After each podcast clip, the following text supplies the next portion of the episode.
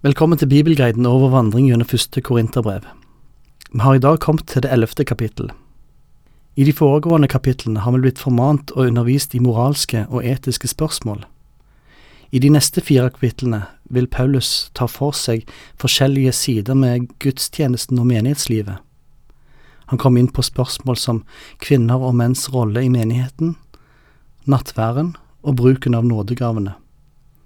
Vi begynner lesinga i kapittel 11, vers 2.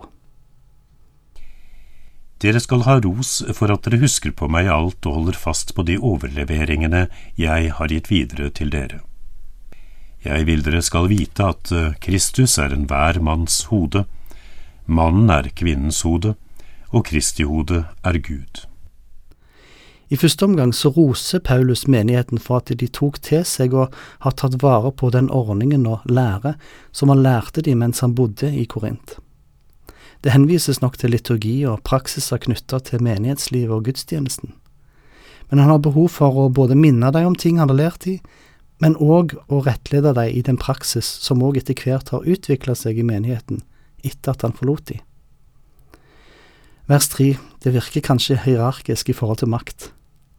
Men da trenger vi å minnes Guds gjerning gjennom Jesus for alle mennesker på vår jord. Gud ga avkall for å tjene og gi sitt liv. Denne strukturen fører egentlig til en gjensidig underordning. Men Paulus har noen kommentarer til hvordan strukturen praktiseres i forsamlingen. En mann som ber eller taler profetisk med noe på hodet, fører skam over sitt hode men en kvinne som ber eller taler profetisk med utildekket hode, fører skam over sitt hode. Det er jo akkurat det samme som å være snauklipt. Hvis en kvinne ikke vil ha noe på hodet, kan hun like godt klippe av seg håret. Men når det nå er en skam for en kvinne å klippe eller barbere av seg håret, da må hun ha noe på hodet. Både kvinne og mann kan både be og tale profetisk i menigheten, så lenge de reflekterer Guds ære. At ei kvinne ikke ville dekke til sitt hode for å underordne seg Gud, men å ære seg sjøl, var til skam, mente Paulus. Det kunne sammenlignes med at hun klipte seg eller barberte sitt hode. Å rake hodet, det var tegn på offentlig ydmykelse som en straff for å påføre skam, eller det kunne være tegn på ulykke eller sorg. Det tiltrekker seg oppmerksomhet fra offentligheten til seg sjøl.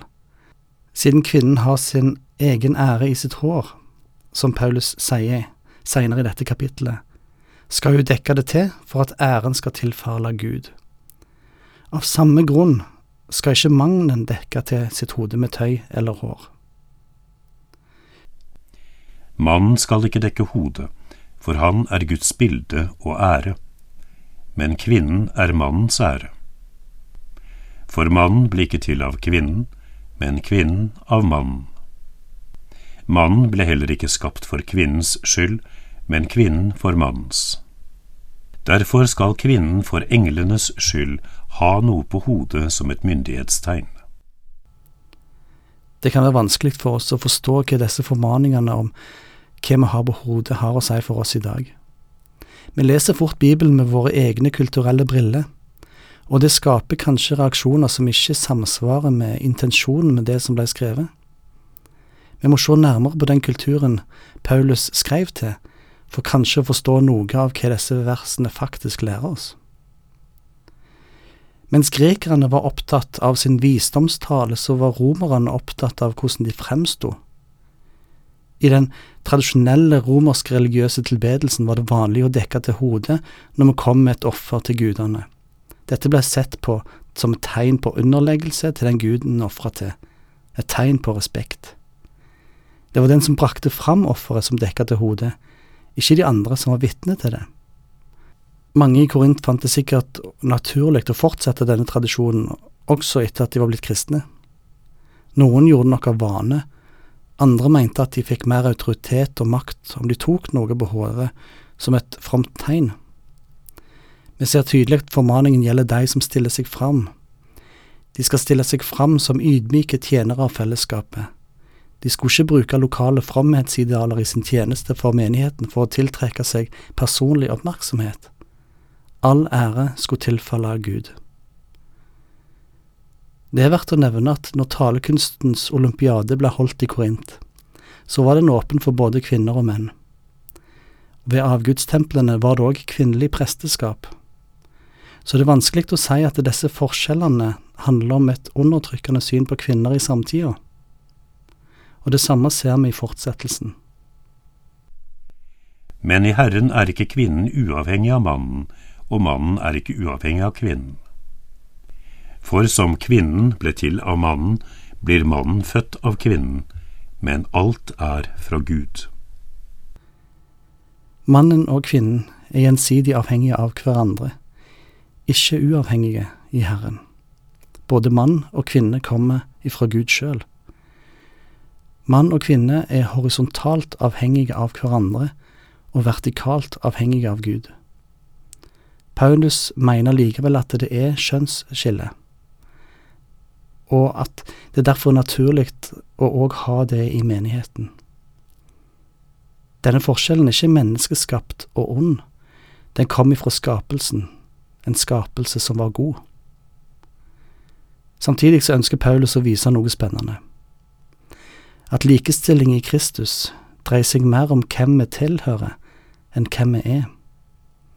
Vi er alle Guds skaperverk, og mennesker det var verdt å frelse med å sende Jesus inn i døden for oss. Vi har ikke samme gaver og tjenester. På samme måte har vi forskjellige skjønn.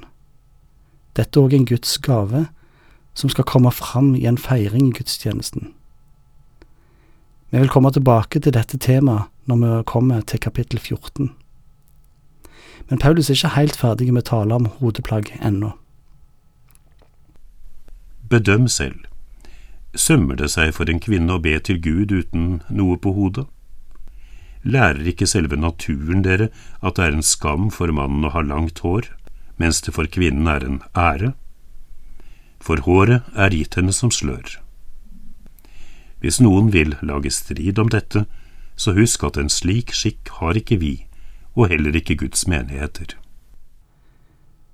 Det var uenigheter i menigheten om hvordan det skulle forholde seg til tjenesten i menigheten, siden det var noe forskjellig praksis i den kulturen det kom ifra.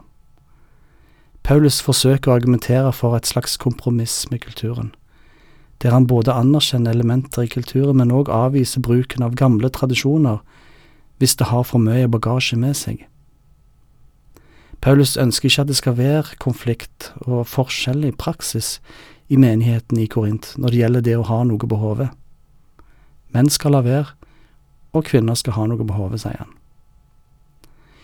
I sitt kompromiss, som blir en ny tradisjon, så ønsker Paulus at deres tilbedelse ikke skal være et anstøt overfor den kulturen de befinner seg i.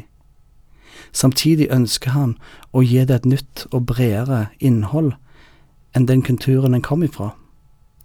Han ønsker at mann og kvinne skal være gjensidig avhengige av hverandre og feire sin forskjellighet.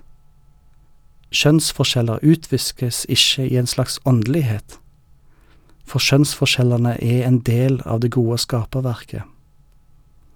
Men han ønsker at mann og kvinne, sammen, skal vise sin avhengighet til Gud, til Guds ære, og ikke sin egen. Det blir naturlig å avslutte dagens episode her, og i neste episode vil vi fortsette fra vers 17.